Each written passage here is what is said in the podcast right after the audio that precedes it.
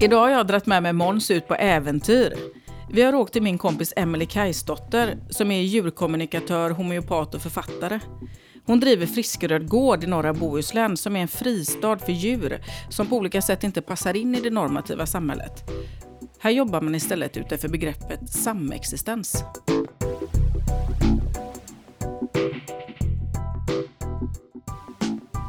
Varför eh, sitter vi här i en hage i Bullarebygden? Varför gör vi det? Mm. Eh, vi pratade lite om det på vägen hit, där, att det, var det började. Frågade ju Måns. Hur känner du Emelie egentligen? Mm. Ja. Och då kom vi fram till att i tidernas begynnelse, 1997, så träffades vi det är så länge sedan. Ja. I ett mm. kök på Älvsborgsgatan i Majorna. Mm. Med någon hund då med, säkert? Ja, precis. Med Lucifer. Just det. Ja. Mm. Som ingen förstod. Den känsliga varelsen. Precis, men som du förstod. Mm. Eh, och det var ju liksom så livsomvälvande för mig att eh, kunna få en inblick i den världen. Jag hade liksom haft djur i så himla många år och eh, känt att det måste finnas en annan, ett annat sätt att vara med djuren. Eh, jag hade jobbat i ett stall med en ganska hård tysk kvinna som hade det. Som lärde mig exempel att man slår på en häst på transporten. Man tvingar dem med grammantygel, drar in fram och sparkar bak och så vidare. och så vidare. Mm. Och jag det som kände många liksom, av oss Ja, men precis. Sig. Jag kände att det här är inte rätt. Det måste finnas en annan väg. Mm. Och då fanns det ju inte internet.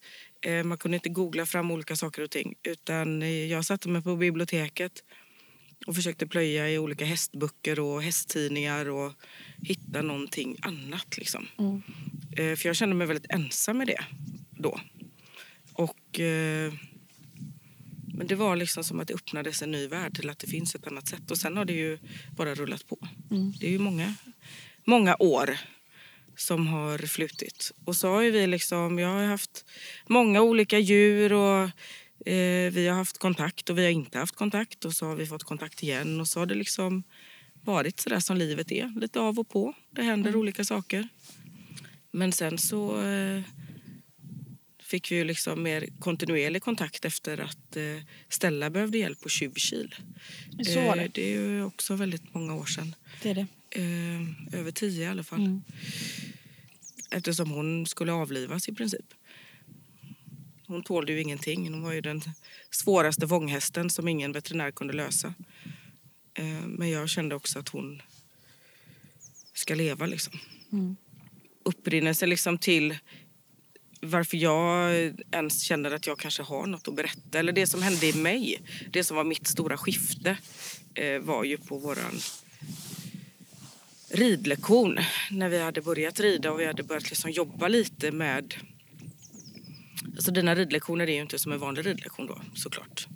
Eh, det vet ju inte alla, men det vet ju vi. Men jag vet inte om du vill berätta lite om hur dina ridlektioner går till för ja, de som alltså, inte vet.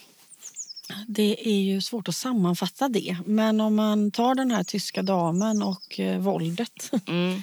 eh, som då är i den andra änden på repet Precis. så bygger ju eh, de, alltså ridning som idé, vare sig man väljer en snäll så kallat snäll väg eller en hårdare så bygger ju fortfarande idén på att en bra ryttare får hästen dit man har tänkt sig att den ska.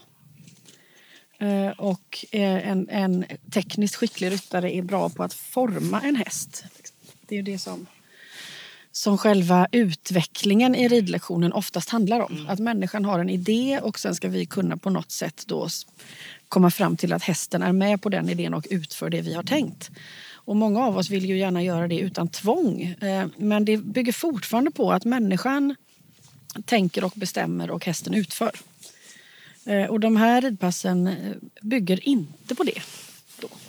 Inte på halvhalt, halvhalt, nej, halvhalt, nej. halvhalt? Eh, utan där finns det ju då en tanke om det omvända. Alltså vad händer om vi för det första kanske följer hästen så ridpasset börjar ju med att jag helt enkelt kollar vad hästen är intresserad av att göra den dagen. Det frågar ofta människan också. Jag vet aldrig på förhand. Eh, men eh, hästen tänker jag har oftare ett vettigare helhetsperspektiv och kommer förmodligen med en idé som gagnar oss alla i slutänden och människan har möjligtvis en tendens till ett kortsiktigare tänk.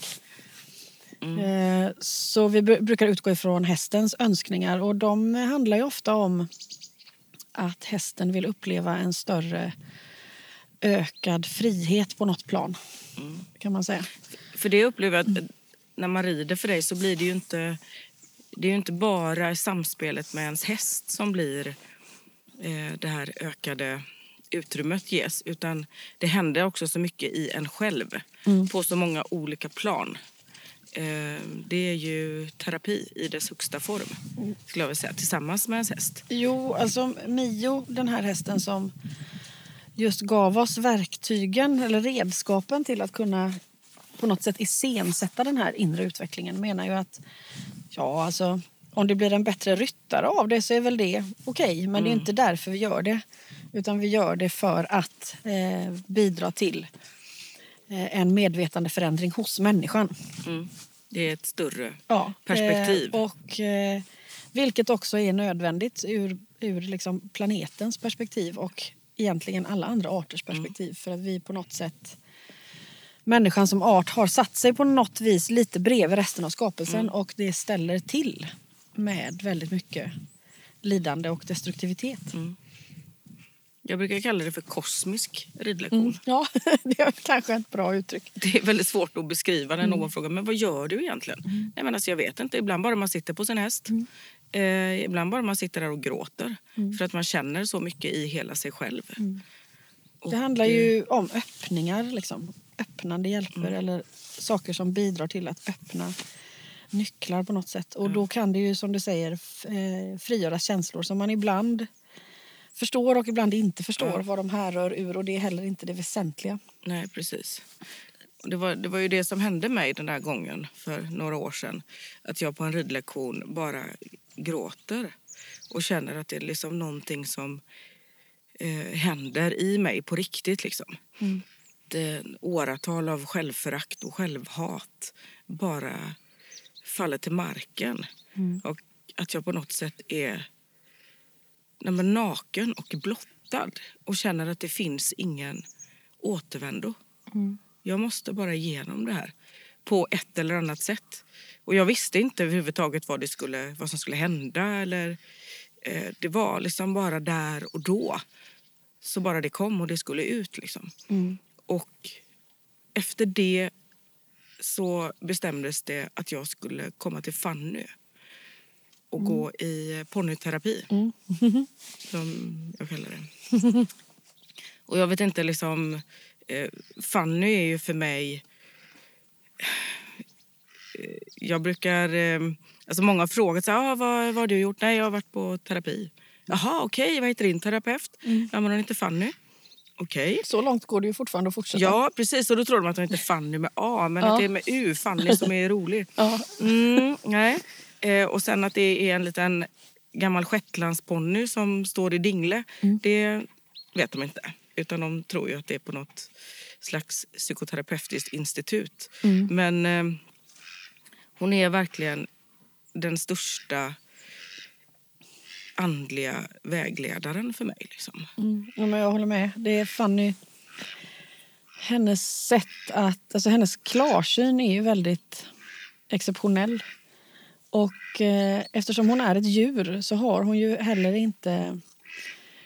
Hon har ju inte det bekräftelsebehovet. Så jag tänker att en människa med samma förmåga... Jag vet inte om en människa hade kunnat ha samma förmåga. Nej. Men, men i det, alltså det skulle ju finnas en, en enorm risk att i alla fall på något sätt identifiera sig med det där. Fanny är ju väldigt noga med att ja, men det här, jag skiter väl i vad du väljer. Mm, bokstavligen. Det, det, jag säger det jag ser. Vad du gör med det, I couldn't care less. Eh, och det blir väldigt tydligt då eh, att eh, det här är min historia och jag måste hitta ett förhållningssätt till det själv. Och där ligger ju en stor del av hjälpen också. Att hon kommer inte med råd, hon svarar sällan på frågor. Det kom en kvinna med frågor på ett papper som hon åt upp och svalde. eh, vilket sen ledde till fantastiska samtal dem emellan. Och den här kvinnan eh, tog ju det direkt Ja. på rätt sätt. Liksom. Ja, men och så, alltså jag känner att jag behöver ju Fanny för att jag har ju varit stängd i så många år. Jag, jag kan ju också liksom vara väldigt, eh, kännas liksom öppen och vara hjärtlig men det är på mina premisser. Jag är också, livet har ju gjort att jag har skyddat mig på olika sätt eh, känslomässigt. Mm. Eh, så att sitta inne på ett traditionellt liksom, eh, mötesrum med en eh, terapeut eller psykolog det funkar inte för mig. Det är ingenting som gör att jag öppnar på någonting under... Nej, du parerar bara. Ja, precis. Eh, och jag kan inte ha någon som gulligullar eller lägger huvudet på sned och, och hur mår du, vad mår du dåligt? Det går liksom inte. Nej. Man närmar sig inte mig på det sättet. Utan eftersom jag har en sida som också är väldigt stark och rak Mm. så behöver jag någon annan som tar mig i det. Och det gör hon. Ja, det gör hon. Eh, hon levererar det som ska levereras. Här har du det, varsågod. Mm. Eh, och sen om jag ligger som en liten trasa och gråter. Nej, hon bara biter henne i knävecken och går Ja, därifrån. precis. Det är så gör hon. Ha det gött, hej. Ja. det är liksom... Och det, det där funkar ju för mig med, måste jag säga. Det, däremot så kan man ju som översättare då, min roll i det här sammanhanget är ju att översätta Fanny. Och eh, ibland går ju hennes krasshet långt förbi, eh, ja, man kan ju säga att jag är mer mån om att det hade känts kul om den andra var nöjd. Eh, och det finns inte i Fanny. Så Nej. när jag då ska leverera ut de här rent verbalt så blir det ju en övning för mig. Eh, också i att se att det, ja, men det går att göra det. Mm. det. Hon drar det ju så långt som till att ja, men ja, avsluta livet då. Alltså, Ja. Men mig gör det inget, men egentligen tro inte att- det tar slut där. Nej, Så att men hon skickar ju tillbaka sen rätt in i en själv Ja. varenda gång. Liksom. hon tycker väl egentligen att eh, mänskligheten är en ganska sorglig historia. Ja, men, men också med en väldigt stark kärlek till människan. För det är det alla de här djuren har. Att deras, I deras drift att hjälpa oss, eh, det finns ju också en kärleksfull förhoppning i det. Mm. Eh, annars skulle de, ju, då skulle de ju bara låta oss rasa och så blir vi färdiga med den här arten. Eh, och det, det gör de ju inte. Nej. Så någonstans hoppas de väl att vi ska välja att kliva in i matchen. Men det de säger är ju, vi, vi ser ju oss själva naturligt som flockdjur väldigt tydligt. Men flockdjur säger ofta att eh, ni har inte bestämt er än. Okej. Om ni ska vara med eller klara er själva. Mm. Eh, och, och det jag tänkte på det med den här gråten som du beskrev att om vi bestämmer oss för att inte klara oss själva utan kliver in i skapelsen då och deltar med hull och hår Mm. som de andra gör. Eh, då finns det ingen väg utom den sårbarheten. Då måste vi plocka bort det som skiljer oss. Mm. Och vi har ju oftast ägnat hela livet åt att på ett liksom, omsorgsfullt och skickligt sätt bygga det skyddet. Alltså, ja, precis. För det handlar inte bara om att överleva. Det handlar också om att leva Ja, hela ja tiden. det, det gör det. För, för djur är ju ofta att överlevnaden det är en grej. Det är instinkter, det är kroppens berättelse och genetikens, biologins historia. Liksom. Men vi är, inte, vi är här för att leva, för dör gör vi. Absolut, det är det enda vi vet. Ja, det är det enda vi vet och det har de inget tjafs med. Eh, däremot skulle de ju kämpa för att överleva till Mm. sista droppen för det skulle också ligga i livets natur. Men, men att eh, konsten att leva, liksom, där, den, eh, där skulle vi ju vara otroligt behjälpta av att vända oss till någon annan art än vår egen. Mm. Det tänker jag också på det här med att, eh, som jag liksom i, under min egen resa som jag har gjort under de här åren med dig och med Fanny och med alla liksom hästar och övriga djur som hjälper mig liksom dagligen. Den här känslan av att man inte passar in någonstans. Eh, och att man inte duger. Jag är inte tillräckligt duktig. Det eh, jag kan inte ditten eller jag kan inte datten. Eh, hästarna för mig så är det så här, liksom hästarna ser varandras styrkor, inte varandras svagheter. Ja, precis. Ehm, Det är väl något som många människor tror, det här med det hierarkiska systemet. Och, men det funkar ju verkligen inte så. Nej. Utan någon är bra på att hitta vatten, någon är fenomenal på att springa fort. Ehm, Alltså alla har olika egenskaper som man lyfter fram. Människor jobbar inte på det sättet, sällan. Nej, Jag tror att det är i det där just, det är det de också menar när de säger att vi, vi står mitt emellan. Vi är inte fullt utvecklade flockdjur för att vi har inte klivit in i en inkluderande cirkel. Nej. Eh, flockdjur som hästar beskriver ju att föds man är man med. På något vis. Mm. Vi lever ju med någon form av underliggande eh, rädsla eller medvetenhet om att vi kan bli övergivna eller uteslutna om vi inte duger i andras ögon. Mm. Så det behöver ju inte vara att vi Hej! föreställer oss att vi eh, vill passa in eller vill ha vara fika. populära. Ja. Mm. Kolla vad vi har på bordet. Gud, Men eh, det finns en, en omedelbar fara i att inte duga. Ja. Eh, som vi måste förhålla oss till på något sätt. Och, och de här flockdjuren menar ju att eh, man överlever inte ensam. Planeten är inte designad så. Utan man överlever genom att alla bidrar med sin bit. Och ju mer unik den är eh, ju mer spjutspets du blir, just bara du Mm. desto större blir rummet för samtliga. Så det finns inte konkurrens. Alltså idén om konkurrens som vi tror att vi hela tiden ser när vi tittar på naturen.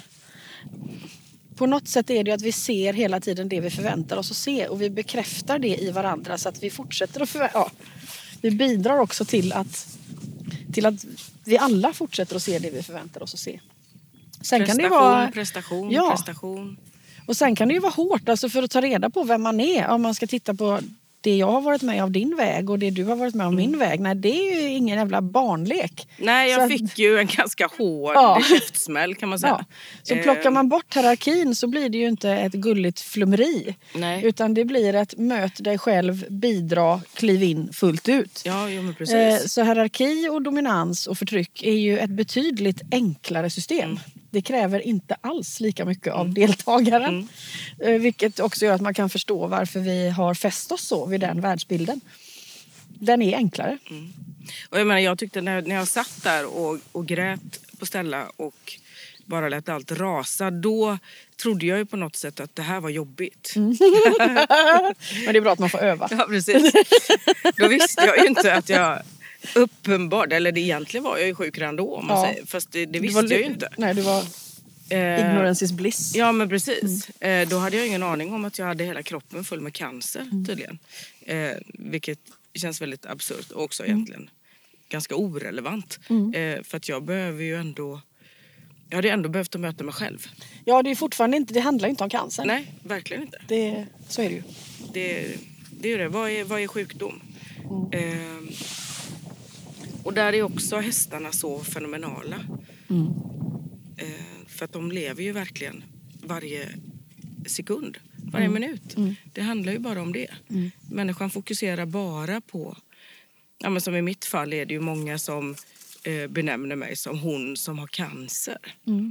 Det är Och kul. så, ja, så ser man inte annars vad jag är fenomenal på. Nej.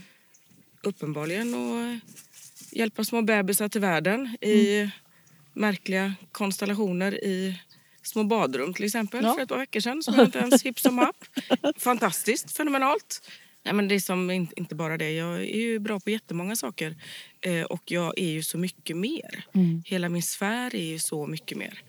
Och Jag tänker att det som cancern gör, tänker jag lite i det sammanhanget, är att den ställer saker på sin spets. Och, och kräver någon form av prioritering då. mm, Utan cancern så kan man ju, skulle du kunna ha valt att skjuta på det där inre jobbet. ja, jag hade ju verkligen inget det, val. Nej. Utan, Och det, det tror jag är för en, förlåt, men för en människa är just det där att man inte har något val. Det verkar på något sätt eh, hjälpa. Ja, jag kan inte säga att det kanske alltid måste vara nödvändigt men det är i alla fall till väldigt stor hjälp. Kommer det grisar Nu istället? kommer det små grisar. Nej, men eh, det här med att... Vad heter det också som, som jag kan mötas av att ja men du är så himla stark. Jag hade aldrig klarat det. Ja men det hade du väl visst det. det vet jag hade man väl inget heller. val. Eh, alltså jag hade ju två val. Det är ju antingen att välja att, att dö. Mm. Eh, då hade jag ju kunnat göra det ganska snabbt. Mm. Och det fick jag ju också till mig att det handlar om ett halvår Mm. i princip. Men jag kände bara att nej, i hela min kropp var det inte acceptabelt. Liksom. Jag kan inte acceptera det här. Utan jag har så mycket jag ska göra och Mm. jag måste leva. Och jag vill också jobba med mig själv och lära känna mig på riktigt. Vem är jag liksom? För, för mig så var en väldigt viktig händelse i den resan där var precis i början. När du just hade fått diagnosen och du hade så ont så att du kunde inte åka upp hit så vi hade Fanny i telefonen. Ja, precis. och då föll du rakt igenom allt som går att falla igenom. Och det där har jag tänkt mycket på. Att eh, det där var så fruktansvärt viktigt. Mm. Så bra och så skitjobbigt. Ja, ja, för det var vad det var. Ja. Det var det värsta tänkbara. Jag vill inte dö ifrån mina barn. Det var den smärtan. Jag kan känna den nu när vi pratar om det. Och Fanny var med och sa det kommer inte alltid att vara så här men nu är det så här och nu finns det ingen annan plats vi kan vara på. Nej, precis. Eh, och, och det där tror jag, eh, hade du inte gjort det så, så hade ju den där, den där inre kampen och det här kämpandet för att undvika den platsen Mm. hade tagit så mycket energi att jag vet inte om den andra läkningen hade varit möjlig. Nej. För att på något sätt, vi vet hur viktigt det är med positivt tänkande. Vi vet hur viktigt det är att vara stark och precis som du säger fokusera på att jag vill leva, fan vad jag vill leva. Men det går inte att rikta all den energin dit om du inte har verkligen stått i den accepterandet av det som är. Eh, Och det gör det också mycket, mycket lättare och tydligare för oss som är bredvid dig i det. Och veta vart vi ska vara. Mm. För vi behöver inte heller akta oss för någonting. Nej, och det vill jag ju inte Eh, nej, heller. Och men- det, det vet jag att du inte vill och det vill inte jag heller. Men om du inte öppnar den dörren inåt så öppnas Nej. den heller inte Nej. utåt. Och det kan vi som är utåt då inte göra någonting åt. Nej. Så det där var... Eh, går inte att beskriva i ord hur jobbigt det var. Men också hur extremt grundläggande det var att det hände först. Ja.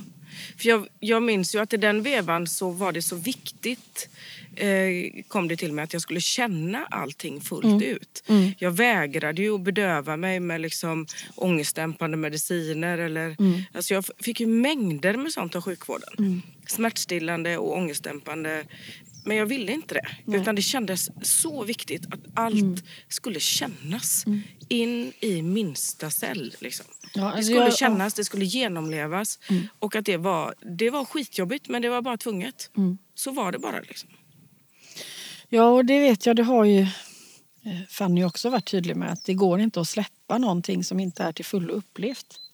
Är det till fullo upplevt så kan du å andra sidan inte heller hålla kvar det. Nej. För då finns det inga mer cirklar att göra.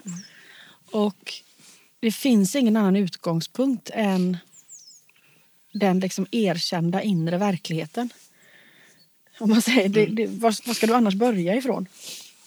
Kraften finns ingen annanstans heller.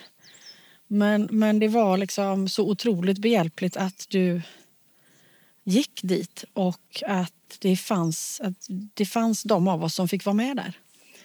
För att jag tror... Ja, jag vet inte om du hade suttit här idag annars om jag ska vara helt Nej, ärlig. troligtvis inte. Troligtvis inte.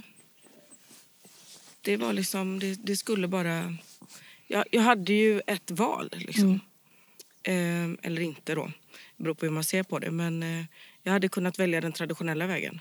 Eh, och fortsätta att ha ett stängt hjärta. Och mala på i det som jag hade malt på i. I eh, liksom 43 år. Ja, du hade kunnat fortsätta att bygga in dig i det rummet. Mm. För den, och det är ju det enklaste, för det är ju det, du, det, är ju det man redan har tränat sig på. Mm. Den Eh, vägen är ju känd. Ja, men precis. Men det var slut med det då. Mm. Så var det bara att och, eh, och köra på den hårda skolan. Mm. Som har varit så fantastisk. Och, alltså, Ju mer jag står i min sanning och låter mig komma fram desto bättre mår hela jag. Och desto bättre har jag också tagit emot de mediciner som jag av olika Ja, eh, läkare och eh, naturterapeuter eller vad som ska kalla dem tar emot. Liksom. Eh, jag blir mer eh, vad heter det? kroppens vara. Liksom. Kroppen och sinnet. men jag tänker att i den punkten spelar det ju ingen roll, tänker jag, om det är en... Det är synd att vi har en skiljelinje mellan alternativ och traditionell medicin. Men det väsentliga är ju kroppens förmåga att ta till sig Mm. vilken väg den medicinen än tar. Det är ju samma sårbarhet som krävs oavsett medicinform. Och samma liksom, driv i vitalkraften för att kroppen sen ska kunna omsätta det medicinen har tillfört. Precis. Eh, och, och det kommer ju ur samma... Ja, den här... Är man inte rädd för att falla längre så har du på riktigt ingenting att förlora och då har du allt att ge. Innan den punkten har du egentligen inte det. Och därför var det ju tvunget att gå till sin spets. Mm. Sen har det ju liksom, det är ju inte så att det på något sätt sedan den dagen bara har varit tjo och tjim och hej och hå. Eh, det, Det är det ju inte i någons liv. Nej. Oavsett diagnoser. Va? Är det sant? Jag trodde alla ni andra bara åkte runt på en Ja. räkmacka och tyckte det var helt fantastiskt. Men det var en kvinna som sa det till mig en gång. Om jag inte vaknar varje morgon lycklig, varför lever jag då? Oj. Jag tänkte, oj, det där blir tufft. Ja, Det blir många olyckliga månader då. Om man ska ha det att jämföra med. men det är också fantastiskt när man har varit nere i det svarta hålet Mm. och ser ljuset. Ja, Det blir så oändligt Mm. mycket vackrare då. det blir det. Det blir också... Men det är liksom, Ja, man får man tar livets givet. alla skiftningar. Mm. Ehm, och det är ju, ja.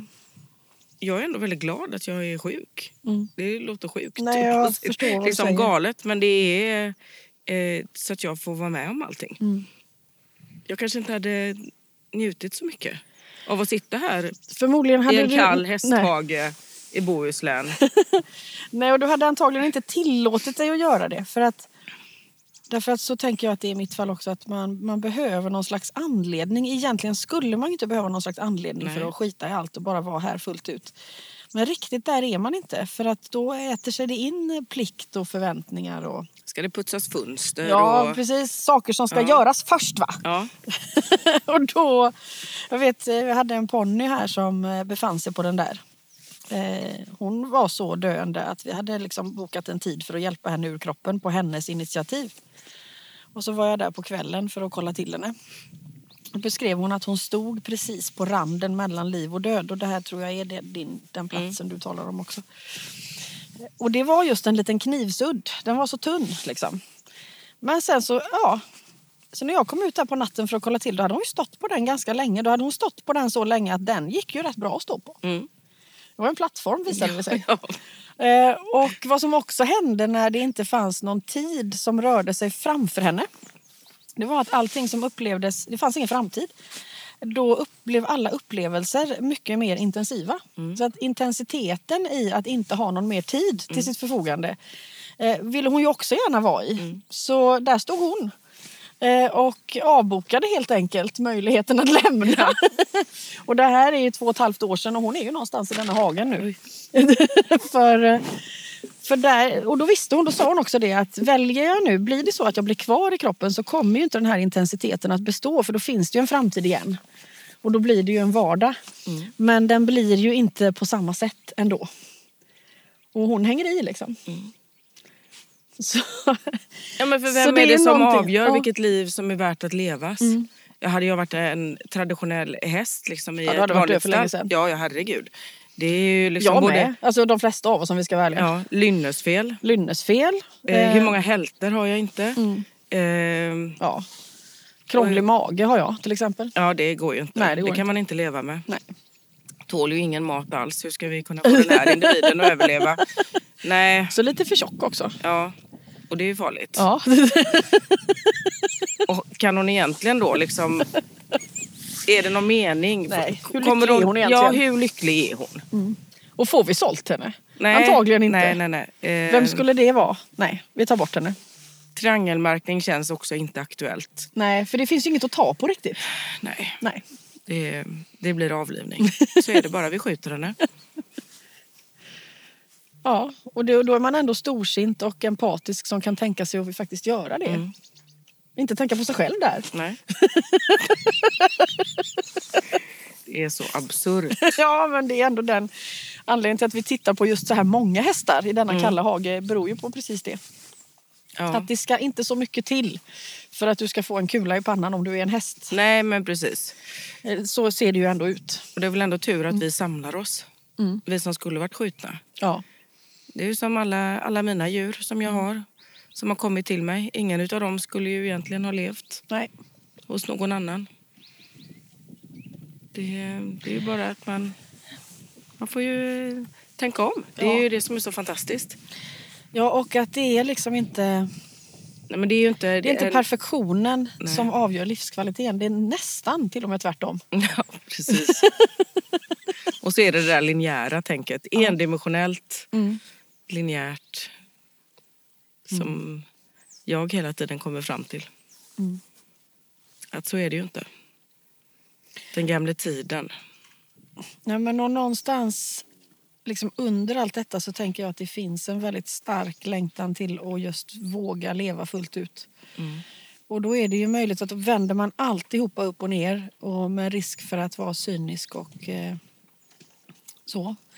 Eller för gullig-gullig. Men att det finns, ju, det finns ju en slags kärlekshandling i den där cancern. Mm. Om det är det man letar efter. Om man däremot letar efter att bli lyckad och lyckas och så vidare. eh, Då är den ju bara, då är den ju bara hemsk. Då har du antagligen gjort något fel eftersom du har fått den sjukdomen. Mm. Hade du förstått det här innan så kanske du inte hade blivit sjuk. Nej, men Så för, då får man skylla sig själv och sådär. Och då är man inne i ett helt annat resonemang. Så man kan ju vända upp och ner på världen och plötsligt så är de händelserna som framstår som fruktansvärda. Jag, menar, jag hade inte gjort något av det här om inte min pappa hade tagit livet av sig när jag var liten. Nej. Skulle jag vilja att han gjorde det? Nej. Jag skulle jättegärna vilja att det var en annan väg och jag skulle jättegärna vara utan eh, paniksyndrom och depressioner och självhat och så. Men nu är jag inte utan det. Nej, precis. Nu är det inte så. Eh, och eh, på grund av det så gör jag det jag gör idag och det, det skapar ju en tillfredsställelse på ett helt annat plan. Mm. Så man ska nog vara väldigt noga med att försöka värdera en händelse som bra eller dålig. Den sker ju av en anledning. Mm. Eller av många, eller av så många anledningar som man är beredd att ta till sig. Till och med. Alltså, visst hade jag förstått att om du bara öppnar ditt hjärta när du är 12 år och inte stänger det så kommer du aldrig att få cancer. Ja, men då hade jag ju kanske valt det. Det vet jag inte. Fast men... vi vet inte ens om det är så. Nej, precis. Men ehm, jag tänker på det som en läkare sa till mig där uppe. Att, ja, eh, kvinnor med din kroppstyp tenderar ju i större grad att drabbas av bröstcancer. Jaha. Jaha, okej. Så Och vad du det menar en typ? att det är för att jag är tjock? Att det är därför? ja. Nu sa han ju inte ja på den frågan, men eh, det behöver vi inte. Vi förstår ju det. Eh, Medan i min värld så handlar det om känslomässiga blockeringar. Att det är det som har gjort mig sjuk. Eh, och när jag helt plötsligt Eller så fanns på det. cancern på din väg oavsett. Det vet vi inte heller. Nej, det vet vi inte. Och att du väljer att göra det här av den berättelsen säger mer om dig än om sjukdomen. Mm. Du vet, vi vet inte det. Nej. Jag, jag tänker bara, för jag hade ett samtal med en hund igår som beskrev det som att vissa saker är oundvikliga och Mm. därför så kämpar hon inte emot dem. Men hur hon förhåller sig till det oundvikliga Mm. är det är det hela berättelsen handlar om. Och då frågade jag henne lite vad är, vad är det för förhållningssätt då som är det viktiga? Hon Att vara där. Mm. Det enda viktiga är att vara där. Mm. Ja. Och jag är nog här. Mm. Ja, det tror jag. Jag är här. Och du är här. Mm. Och Månsan är här för heja heja, för flocken är här. Och där kommer Anko. Ja.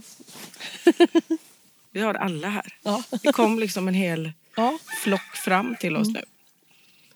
Helt plötsligt skulle alla vara väldigt törstiga. Mm.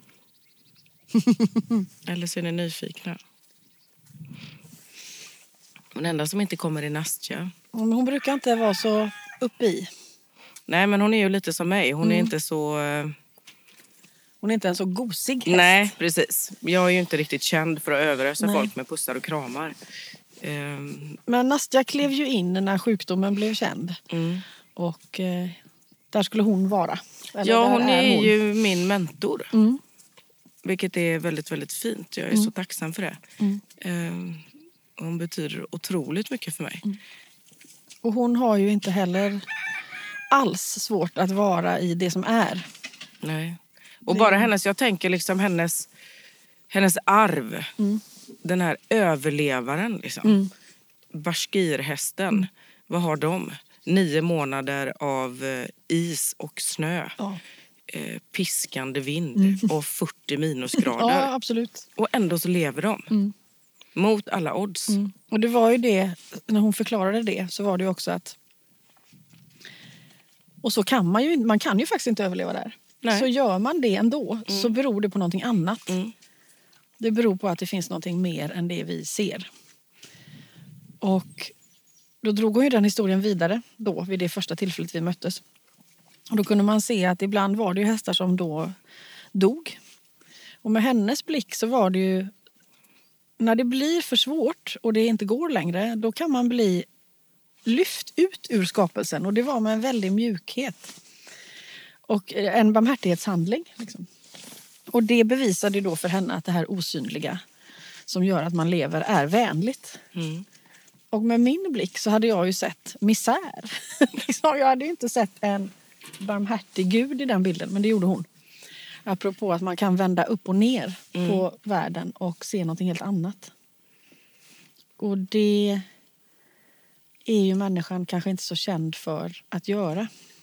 Men det är det vi behöver göra. Mm. Det, det minns jag när jag träffade Nastja sist. Då mådde jag ju lite sämre igen, alltså rent kroppsligt. Mm. Eh, provsvaren var inte riktigt lika bra och eh, det anades tillväxt både här och där. Och då är det liksom lätt att, att slås ner av det. Eh, å ena sidan så gjorde jag det, å andra sidan så kände jag bara att nej, eh, absolut inte. Det här betyder ingenting. Och där var hon så tydlig när hon pratade med mig. Och att hon bara, ja men hallå, det är ju helt självklart. Det är ju en del i när allting sätts i rörelse så sätts också cancern i rörelse. Att det var självklart. Och det var verkligen som att hon knackade mig i huvudet och bara, men hallå, fattar du inte det? Pucko. Mm. Men hon är ju också hon är en väldigt, väldigt rak dam. Och, och visst var det så. Det var så mycket som var i rörelse, så då kommer ju allt i rörelse. Och, och det är ju inte liksom någonting som är konstant. Nej. Det är ju därför det är så bra med rörelse, så att säga. Eh, och sen vips, så är läget ett annat. Liksom. Mm. Då är kroppen hur mottaglig som helst och Mm. alla prover är, det är guldstjärna på vartenda ett. Liksom. Och allt backar. Mm. Och då ska man inte fastna i det heller, för det är ju vad det är. Ja, för det, då är det så. Ja, precis. Mm. Eh, och det är inte där fokuset ligger utan Mm. eh, jag fokuserar på min resa och vad jag ska göra och det som kommer till mig Mm. dag för dag på något sätt. Eh, och maximerar. Det gör jag nog mycket mer när jag maximerar. Liksom. Mm. Jag har alltid varit en väldigt bra livslevare men jag maxar nog olika Mm. grejer och eh, försöker att inte... Ja, men liksom, jag tänker inte efter så mycket. Nej, men Utan jag bara jag gör mer. jag tänker att en sak som vi har gemensamt, även om vi väljer att göra saker på såklart olika sätt, men som jag tänker att vi har gemensamt är att man vi har av olika anledningar byggt upp ett skydd mot känslor. Ja, absolut. Eh, Och det har vi båda insett i, på olika vägar att det, det håller inte. Nej. Eh, För då tar vägen slut. Eh, På något sätt tar den slut. ja. Vare sig man lever eller dör så tar den slut. Och, och det är ju det som hindrar en ifrån den här maximala upplevelsen. Mm. Att man hela tiden måste ha koll på dörrarna också. Liksom. Mm. det, det förtar ju en del av upplevelsen. Mm, det gör det, helt klart. Och jag tänker att vi hade väl ett skäl till det den gången vi hittade de här strategierna. Ja. Det säger jag ingenting om. Eh, Men eh, att ha kvar dem av gammal vana så att de till slut nästan blir en självuppfyllande profetia. Eh, Ja, där var det... Nej, Nej. de fyller inte längre en funktion. Just nu har, fyller de en motsatt funktion. Det man har skyddat sig för för att överleva är till slut det som har ihjäl en helt enkelt. Mm. Och allt är inget och inget är allt. Mm. Så är det. Inget av detta kan man förstå. Nej. Och ju mer man försöker förstå det desto svårare blir det. Ehm, Jag antar att förståelsen handlar om att man vill fånga det på något sätt. Det är väl människans aspekt ja. på det. Och den här lilla tiden det tar att frysa någonting som man har fångat, då, då finns det inte mer. Nej, det är ju bara en sekund. Det är ju bara ögonblicket som räknas. Förståelsen får mer bestå av någon form av resonemang. Men, men eh, man kan inte leta efter en sanning där. Nu är ju eldvaken. Där är Nastja. Nu ser jag henne. Hon är där. Ja, nu tittar de på oss. Ja. Jag tänker inte komma fram. Nej, Nej. behövs ju inte. Nej. Hon är inte den kramiga tjejen. Vill hon lägga in något i debatten? Ja, hon har en bild där du ser eh, starkt ljus ut på insidan. Man ser en kroppskontur, men det består av eh, så solljus, eh, vitalkraft. Ehm, och nu ska man förstå de här bilderna som alltid har en viss abstraktion över sig. Men är som nivåer eller lager av denna vitalkraft. Det kan också vara att det finns en slags tid i det. Att, att vitalkraften över tid rör sig i det här mönstret som man ser. Och just nu som hon ser det så har du nog lite som att du är eh, på topp. Alltså att nu är den kanske i, sitt, Mm. i sin starkaste form. Det här, att det här är på något sätt den tidpunkten i livet där personen Nadja blomstrar. Mm. Så är det ju verkligen. På många sätt. Och då finns det ju för henne som ju följer dig på det sättet som hon gör, då, då har, hon en viss... Eh, nästan som föräldrar blir stolta. Mm. Alltså att det finns en sån inre stolthet över att det är min figur som gör det där nu. Mm. Ja. Det är lite den känslan. Så. Ja. Pusha på bakom. Ja, ja, precis. Och att det på något sätt hjälper en utan att man vet om det, att någon ser det där. Mm. Det går inte obemärkt förbi. Nej. Nej, för hon är ju liksom bra på att utmana mig också. Det är, väl, det är väl därför hon har valt ut mig till kursen. Ja. Ja, det gjorde hon ju tidigt. Ja, Men eh, det är väl dags. ja men det är absolut. Det är dags nu. Och det har ju liksom också varit sen, sen kursen... Eh, eh, ja, ska man förklara kursen? Hur ska man förklara ja, hur ska man förklara den? När folk, Koka ner det till en mening, Emelie. Gör det. när folk frågar det så säger jag jag kan skicka kursplanen. Ja. För jag kan inte förklara detta. Efter fyra år så när, när fjärdeårseleverna, man kan ju fortsätta, det är ju två år, man kan fortsätta mer om man vill, så några har gjort det. Och när vi började det fjärde året, jag tror andra helgen eller någonting då, så insåg jag ändå att men vad fan, det är ju det här det är. Vi, vi övar oss i samexistens. Mm. Vi övar oss i att kunna leva i relation till denna planet som art. Det är det vi gör. Mm. Så där har du en mening. Sen hur detta går till eh, sker ju genom att man gör en massa övningar där de flesta begriper man aldrig någonsin. Och ofta händer det inte så mycket, men ibland gör det det. Trilla polletten ner. Ja, trillar polletten ner och då möter man sig själv. Ja. På olika sätt. Ja, på olika sätt. Och då har ju liksom hästarna gjort ett upplägg kring detta så att man cirkulerar. Det är ju ganska många hästar och det är ganska många människor och så cirkulerar man liksom i övningar så att man helt enkelt inte riktigt får chansen att smita undan och fastna. Mm. Ingen kommer undan. Nej, ingen kommer undan men det är ändå inte... Det är i högsta grad också frivilligt. Mm. Så vi, man får helt enkelt pröva hur det är att ingå. Liksom. Och lite läskigt. Ja, det är läskigt. Ja. Alltså, ingen tycker det är så läskigt som jag. Nej. Men när, Nej, för jag- du ska ju träffa massa, massa människor. Ja, och kan ju lätt fastna i att ah, nu är det upp till mig. Och det, vilket det såklart inte är. Nej. Men eh, ja, du Det är förstår. inte ens du som har satt ihop kursen. Nej, det är det är det inte. Jag är liksom någon form av eh, sekreterare Mm. som nu får öva på min scenskräck då. Mm. För det, precis. Om vi som är med på kursen ska behöva möta olika läskiga saker Så om oss själva så du kan inte heller komma undan. Nej, och det kan jag verkligen inte. Nej. För det vore inte, det vore inte rimligt. Det, det förekommer ju en slags examensuppgift under andra året som involverar eh, en sten. Mm. Och en elev där, hon, hon hade gjort en gjort som en eh, kalender, adventskalender liksom, med små fack. Och i varje fack så fanns det ett minne som hon hade mött. Och apropå ditt falla genom golvet så har vi en annan falla genom golvet här. Ja. Jävlar att ta del av de berättelserna. Jag fick ju gå ut i skogen och hyperventilera och skrika rakt ner i marken. Det var riktigt tufft. Och i slutändan av den här uppgiften så överlämnar man den här stenen någonstans, ofta till naturen då. Så kom vi till fack 24 då. En lite tung låda. Öppnar den och där ligger ju stenen. Hon lämnar den till mig. Mm. Tack för den. Eh, ja, jag hör dig. Eh, vi kan inte starta någon mer klass om inte jag börjar gå nu. Ja. Det går inte. Liksom. Eh, så, så är det. Mm. det. Jag måste ju kunna gå bredvid er. Ja. Jag är ju inte en traditionell lärare eller en... eh, Jag sätter inte ihop det heller som du säger. Men jag måste ju ändå kunna finnas bredvid. Mm. Eh, Och där, det var verkligen en...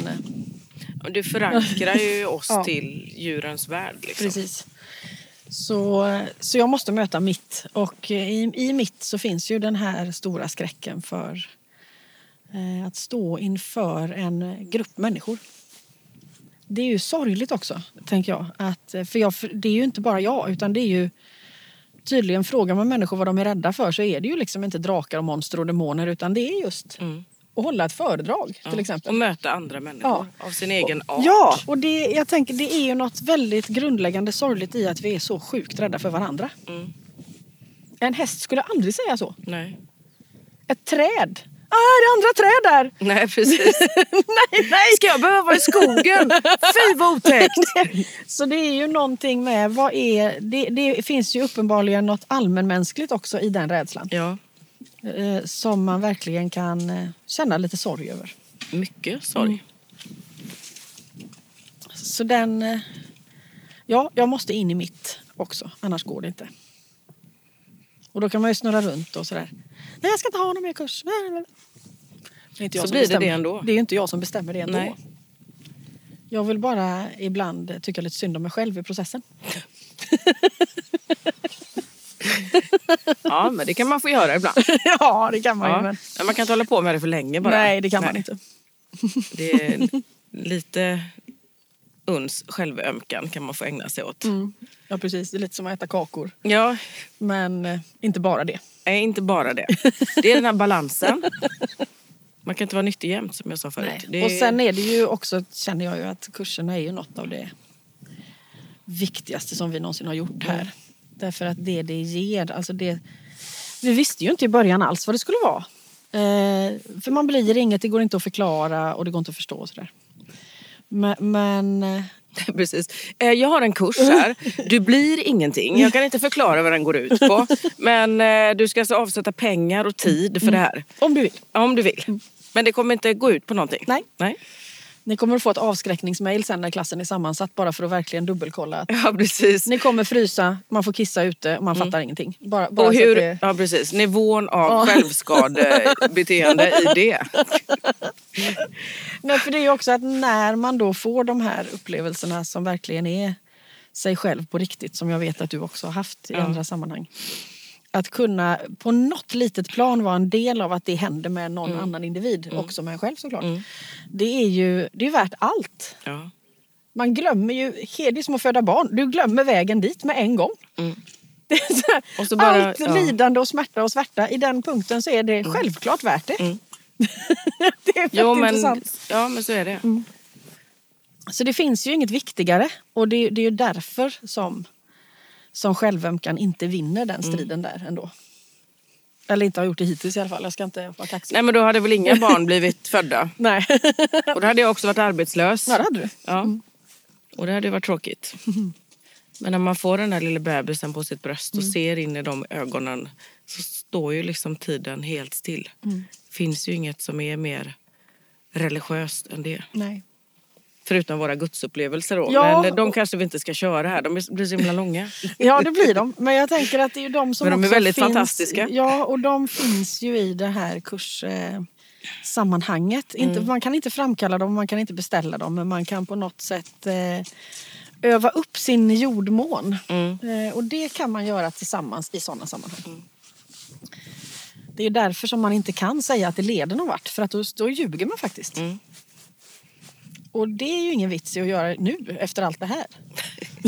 inte börja ljuga nu.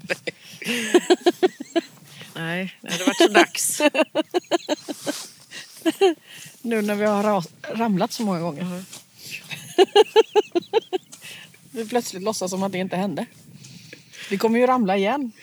Och igen och igen och igen. Mm. Ja, det kommer vi. Vi Och kommer garva igen också. Mm. Ja, precis. Hela tiden. Åt helt orimliga saker. Precis. Om en av oss dör före den andra så kommer den sitta och garva. Ja. ja men jag har ju en liten plan för det Mm. också. Vi får se om det... Eh, nu får man ju inte lov att strö folk för, ut efter vinden i, vid Älvsborgsbron. Men Nej, för hur skulle det gå om alla gjorde så? Ja, Är det, det vet det man inte. Men alltså, jag där, tänker eller? så här liksom, ändå att den dagen eh, när jag dör, Mm. att ni kremerar mig och så kan det liksom eh, kan väl sno en del av askan? Eller jag vet inte, ni gör vad ni vill. Men det är väldigt roligt i alla fall när ni tar en del av askan och så går alla upp på Älvsborgsbron Mm. som är min favoritbro som jag älskar när jag tittar ut över mitt, liksom, genom mitt köksfönster. Mm. Dricker mitt morgonkaffe och ser denna fantastiska bro. Så ska ni liksom strö mig där för vinden. Eh, och så tänker jag lite så här att folk står och gråter lite stilla och det är lite dramatiskt, vilket jag hatar. och då, precis då, då ska jag se till att vinden vänder. Ja, exakt. Så att ni får mig rätt i facet allihopa. Mm, jag är med på den. Jag, Om jag lever då Ja. så är jag med på den. Absolut. Alltså då måste ni skratta. Ja. Då måste ni skratta. Risken är att jag kommer skratta ändå för jag har svårt för att bete mig. Ja, bra, det har jag också extremt svårt att bete mig. Det är så orimligt tråkigt med folk som beter sig. Ja, Kan man inte säga det till människor istället? Snälla, kan du sluta att bete dig? mm, det kan man. Fanny säger så. Ja, precis. Ska jag ska inte vara så himla... Så jävla lagom hela tiden. Nej. Nej, det är jag inte. Jag har ju haft väldigt svårt att eh, förpassa mig i det facket lagom. Som jag kände sist när jag var på den här anställningsintervjun att bara, nej, nej, nej, de är ute efter en mellanmjölksperson. Mm, sa du det också? Nej, det sa jag inte. Men när hon frågade så här, vad, vad tror du att du skulle kunna tillföra på den här arbetsplatsen? Humor, sa jag då. inte det du vill ha. Nej, humor och skratt. För jag har aldrig varit på ett ställe som var mer humorbefriat och kändes så grått och trist. Men jag tror inte att de var redo för att ha roligt på jobbet. Nej. Det är ett jobb. Ja. Och de var nog inte redo för att slänga in någon sån som mig. Men då var det ju bra att ni slapp båda två. Ja, absolut. Definitivt. Det var klart att vi skulle slippa varann. Det hade inte blivit bra åt någon. Någon ände. Hon kanske hade fått ont i magen för att hon hade skrattat så mycket till exempel. Det hade inte varit bra. Nej, det är inte bra. Nej. Det är, det är hur man ser på saker och ting. Nej, men det är en spännande resa. Som du har, vi Mm. Hela alla. livet är spännande. Jag tänker Ja. bara att det är väldigt synd för de människorna som inte eh, upplever livet. Mm. Oavsett deras resa liksom. Men det är ju aldrig för sent att börja och dra till med lite Nej, det har ju Fanny alltid också poängterat. farligheter och bus. Att eh, har du fem minuter kvar att leva liksom. Det, du kan fortfarande vända allting. Det är Mm. aldrig, det är aldrig för sent. Ja, men ska man, om, ja, precis. Ska man, om man har fem minuter kvar, ska man välja att, att ha ångest över de här fem minuterna? Eller ska man göra något skojigt av det? Vad hade du gjort den här fem minuter, sista minuter? Ja, vad hade jag gjort? Det beror på hur rörlig man är. Ja, jag tänker så här, slå kullerbyttor. Det är Ja. ganska roligt. Hade jag varit rörlig så hade, det ju liksom, då hade jag ju velat galoppera mina sista fem minuter. Ja. Jag är ganska rädd för att galoppera, men Det- jag kanske hade valt det ändå. Ja, För den ma- liksom maximala frihetskänslan. Och så flyger man av i en kurva och så bara fortsätter man rätt ut. Fanny hade ju den här eh, historien om en get som var som eh, de levde uppe på någon hög platå. Oj. Och så var det en gammal get där som visste att hon hade max någon minut kvar att leva så skulle hon flyga fick det bli nu. Mm. Och kastar sig ut för detta stup och she flyger. Ja, och dör liksom innan hon tar mark. Mm. Så att hon fortsätter bara Smart. ut. Så det är ett sätt att, eh, om man ska tänka på värda sätt att spendera sina sista fem minuter Mm. så är det en möjlighet. Men jag tänker att man, vad man vill ha är ju någon form av närhet. Jag menar inte att man måste ha närhet i, eh, kramnärhet men att man vill ha livet tätt på. Mm. Man vill känna livet. Ja, precis. Det vill man. Det var det som jag gjorde i, i eh, ja, tidigt i höstas så var jag i Grekland på en favoritplats jag har där. Det är en ö som heter Karpathos. Och så är det en liten by som heter Amopi. Där finns precis exakt ingenting. Folk tycker det är skittråkigt. Jag älskar att åka dit.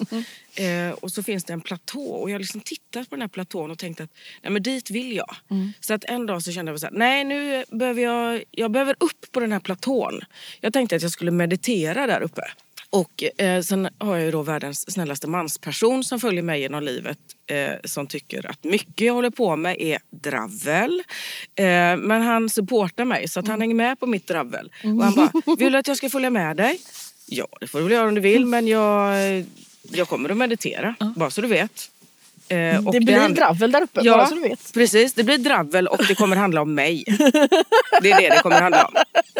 Okej, men, men jag följer med. Ja. Eh, Så han följde med och den här liksom platån, det såg liksom så enkelt ut att gå upp när man tittade på håll. Men när man kom fram så var det inte riktigt så. Eh, därför att det är ju liksom det här kalkstensklippor som är, de är ganska vassa, de är, det är brant och det alltså när man tror att man kan gå så lossar en stor bit så kunde man inte alls gå där. Det är liksom lite grann med livet som insats. Vilket också kändes väldigt spännande. Eh, men kommer upp på den här platån i strålande sol och när jag står där så känner jag bara så här. Jag måste vara naken. ja. Jag måste klä av mig. Och så tänker jag, nej men det kan du väl inte göra? Tänk om någon ser dig? Nej men det kan du väl visst göra? Och min mansperson sa, nej men, jo, jo, nej men det kan du. Det kan du. Du kan det. Han är uppväxt i kollektiv där folk gick nakna hela tiden. Så det, är liksom, det är inget konstigt för han. Eh, så han bara, "Ja, men gör det om det känns så. Gör det. Så jag gjorde det. Och när jag står där liksom naken uppe på den här platån och bara sträcker upp mina armar liksom mot solen. Så känner jag, aldrig känt mig så levande. Wow. I hela kroppen. Det var som att det här ljuset som Nastja pratar om. Att Hela jag var en ljusvarelse som var så jävla stark, som bara strålar ut i universum. Och ja, det var helt magiskt. Det går liksom inte att beskriva. Det, det är sånt som man måste bara uppleva. Sån stor känsla. Och han försökte ta kort på mig i det. Eller han har tagit de kort. Nu hittar vi inte dem. Men någonstans så finns det bilder i något mobilminne. I något moln. I universum. När jag står finns. där uppe. Men mest finns den i mitt hjärta. Men jag hade väldigt, väldigt gärna velat ha det på... Så andra kunde liksom få se och känna det. Jag hade velat teleportera folk dit. Jag, vet, jag var lite inne på om man skulle liksom göra... Be någon... eh, Jag har ju en väldigt nära vän som är en fantastisk konstnär. Eh, Och be henne måla det här liksom. Men jag är inte säker på att det går. Jag vet inte. Eh, Men du lyckas ju få med dig berättelsen när du pratar om det. Ja. Alltså det kommer ju med. Ja. Det är, Då känner man livet i hela kroppen. Det är fint. Hur känner du livet Måns just nu? Du känner kallt i kroppen. Ja, det är inte så mycket liv. Det är liv i det med. Det är liv i det med. Ja, du berättade ju ändå eh, när du höll på att frysa ihjäl hur mycket det kändes som livet. Att det också är fint. Det är fint att frysa ihjäl helt enkelt. Det är ingen dum väg att gå. Det är fint att stå i solen på Karpathos och känna livet. Det är fint att ligga i ett par kalsonger i 15 minusgrader och känna livet. Flyga av en häst. Ja, men det är balansen. Ja. Som den gamle, gamle Kalle av Montsegur pratar om. Allas våran andliga vägledare. Det är balansen. Det är därför man kan dricka kombucha och sen ta en kopp kaffe. Det finns. Eller en bulle och lite ekvilibrium. blåbär. Eller så vidare. Det gör det. Men det kanske är bra där då. Mm. Vi slutar på den där. Klippan Vi i Amopi. På, ja. För eh, vad ska vi annars vara? Om inte här. Med kalla näsor Ja. Det är inte så dumt det heller. och raspiga covid-röster. Mhm.